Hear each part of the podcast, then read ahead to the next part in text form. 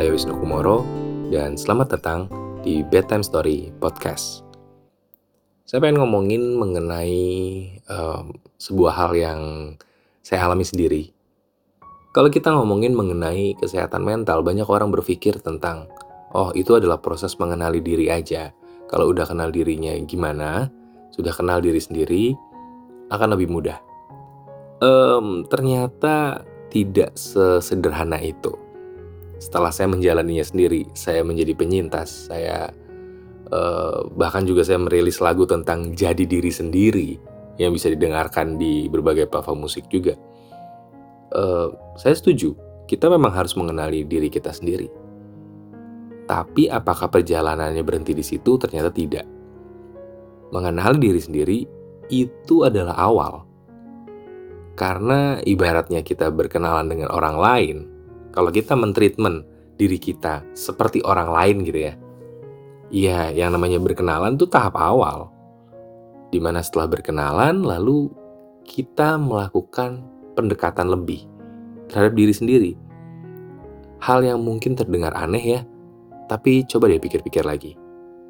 Berapa banyak orang yang kalau mereka punya masalah, mereka akan berpikir, gue kan gak, kayak gak kenal gue siapa kok gue bisa ya kayak gitu? Pernah gak sih kalian dengar seperti itu? Kalau saya sih sering banget. Dari teman-teman saya, bahkan dari diri saya sendiri. Kok bisa ya saya melakukan itu gitu. Dan ini kadang terjadi tidak hanya untuk hal buruk, tapi hal baik pun juga sama. Kok bisa ya saya melakukan hal sebaik itu atau sebagus itu? Jadi pengenalan diri itu menurut saya adalah awal Lalu kita perlu mendekatkan diri kita sampai ke dasarnya, sampai ke core-nya dan akhirnya melakukan sesuatu yang ternyata penting sekali dan saya baru sadari ini paling enggak beberapa bulan terakhir. Khususnya ketika saya lagi dalam fase uh, intensif untuk recovery ini. Yaitu adalah meregulasi diri sendiri. Meregulasi emosi yang ada di diri saya emosi itu banyak bentuknya. Bisa takut, senang, sedih. Dan ekspresi dari emosi itu bentuknya ya tersenyum, menangis, eh, marah, dan lain-lain. Tapi di dalam emosi itu bisa bisa bermacam-macam dan repotnya berbeda sama ekspresi yang mudah dikenali. Tapi yang terjadi di dalamnya, emosi yang melatar belakangnya itu bisa jadi, bisa jadi tidak semudah itu dikenali karena bisa jadi kombinasi dari beberapa emosi sekaligus. Ketika kita merasa lega tapi juga sedih. Misalkan kondisinya adalah kehilangan orang yang uh, kita sayangi untuk sama-lamanya. Karena dia selama ini sakit keras gitu dan akhirnya dia wafat. Uh, kita sedih sekali kehilangan dia, tapi di sisi lain kita juga lega karena dia akhirnya tidak lagi merasakan sakit Kelegaan dan kesedihan itu bercampur secara emosi. Lalu ungkapan ekspresinya seperti apa? Menangis dan tersenyum? Itu jadi aneh sekali kelihatannya bagi orang-orang yang melihat atau tertawa dan diam atau bagaimana gitu. Jadi meregulasi emosi itu diperlukan supaya kita bisa memberikan ekspresi yang pas. Itu yang saya pelajari saat ini. Karena kadang Orang hanya menilai dari ekspresinya dan itu bisa salah tangkap. Saya pernah mengalami itu ketika saya mengalami mixed feeling yang saya tidak pahami dan ekspresi yang saya keluarkan menurut saya itu sudah pas dengan uh, mixed feeling yang saya rasakan gitu. Tapi orang lain menilainya jadi salah. Contoh paling real adalah ketika kemarin saya menghadiri sebuah acara di Singapura di sana saya bertemu dengan orang-orang hebat, orang-orang luar biasa yang selama ini saya lihat cuma dari layar kaca, cuma saya lihat di sosial media, saya dengarkan uh, suara mereka, uh, dan tiba-tiba ada di hadapan saya gitu. Saya starstruck. Saya bertemu dengan uh, Kak Dian Sastro, saya bertemu dengan Kak Iwet Ramadan, dan saya starstruck gitu. Ngelihat mereka ya saya mengagumi mereka soalnya. Jadi saya senang tapi juga khawatir karena takutnya uh, approachment saya salah, treatment saya salah ke mereka. dan ekspresi yang dikeluarkan uh, itu juga ternyata sampainya ya semoga baik ya ke mereka ya karena Kak Iwet Ramadan tuh pernah ngomong gini ke saya. Jadi satu momen uh, saya Kak Iwet Ramadan dan Kak Dian Sastro tuh dalam satu tempat dan Kak Dian tuh memuji suara saya katanya kayak penyiar radio. Dan saya bilang saya bukan penyiar radio kak, itu saya bilang gitu. Dan Kak Iwet tuh memperhatikan muka saya terus tiba-tiba nyeletuk.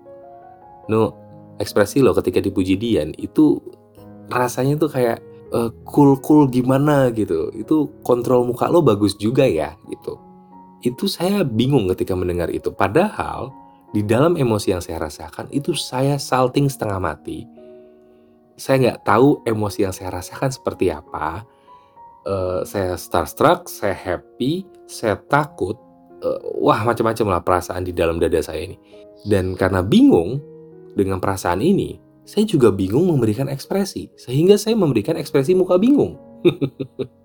Dan itu yang ditangkap oleh orang lain. Wisnu ketika dipuji, cool banget, diem aja, nggak ada ekspresi yang gimana-gimana, nggak berlebihan ekspresinya. Di situ saya belajar kalau, oh, untungnya diterima dengan baik ekspresi saya waktu itu. Bagaimana kalau ekspresinya salah? Padahal itu adalah momen penting bisa dibilang dalam hidup saya. Saya ketemu idola saya bisa jadi ada opportunity baru juga di sana. Bagaimana kalau itu berdampak besar untuk hidup saya? Ekspresi saya salah karena saya tidak mampu meregulasi emosi saya. Itu adalah hal yang penting banget sebenarnya dan itu yang saya pengen share sama teman-teman di episode kali ini. Ternyata mengenal diri kita sendiri aja itu adalah awal sekali, teman-teman. Kita harus lebih jauh lagi, bukan hanya kenal, tapi juga bahkan memahami dan juga bahkan bisa meregulasi, bisa membagi-bagi perasaan itu, emosi itu di waktu yang seperti apa dan mengekspresikannya seperti apa. Jadi bukan hanya menjadi diri sendiri hanya sebatas mengenali diri, tapi menjadi diri sendiri itu sampai mengkontrol dan mengendalikan diri kita sepenuhnya ya ya kita gitu dibutuhkan mindfulness yang luar biasa sebenarnya dan saya pun belum sampai ke level itu. Tapi kita kayaknya perlu untuk ke arah sana. Apalagi dengan segala hal yang terjadi di dunia ini yang saat ini makin lama saya rasa makin aneh. Karena kita juga sering dengar ya kasus di mana banyak orang tiba-tiba marahnya mendadak besar, terutama di jalan raya. Ya, cuman karena bersenggolan mobil dia mengeluarkan senjata, mukul-mukulin mobil orang regulasi emosinya jelas buruk sekali dan ekspresi yang keluar jadinya juga salah gitu. Kayaknya kita perlu untuk lebih dari sekedar mengenal diri kita, tapi lebih ke meregulasi diri kita. Lalu bagaimana kalau kita belum sanggup untuk melakukan itu? Mengenal aja kadang-kadang kita masih kaget sama diri kita sendiri. Ya nggak apa-apa, yang namanya mengenal tuh proses, bukan satu tahap selesai.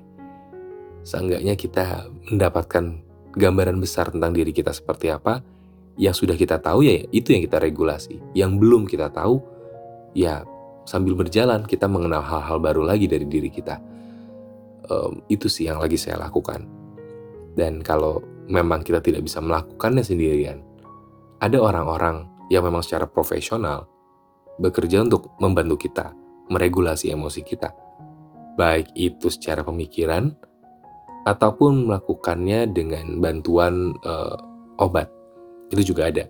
Karena ada orang-orang yang nggak bisa meregulasi emosinya uh, karena hormon. Itu yang terjadi di saya. Kemampuan meregulasi emosinya jadi tidak sebaik orang-orang lain karena faktor hormonal. Jadi itu memerlukan obat gitu. Dan gak apa-apa, itu yang kita perlukan agar kita bisa meregulasi emosi kita menjadi lebih baik. Sambil terus belajar bagaimana cara menanganinya jelas tanpa obat gitu. Makanya saya bilang saya masih dalam tahap pemulihan um, and everything's good so far harusnya ya harusnya ya tapi kita lihatlah nanti ke depannya gimana. Yang jelas semoga cerita saya kali ini bisa membantu orang yang membutuhkan atau sedang mengalami atau relate sama cerita ini.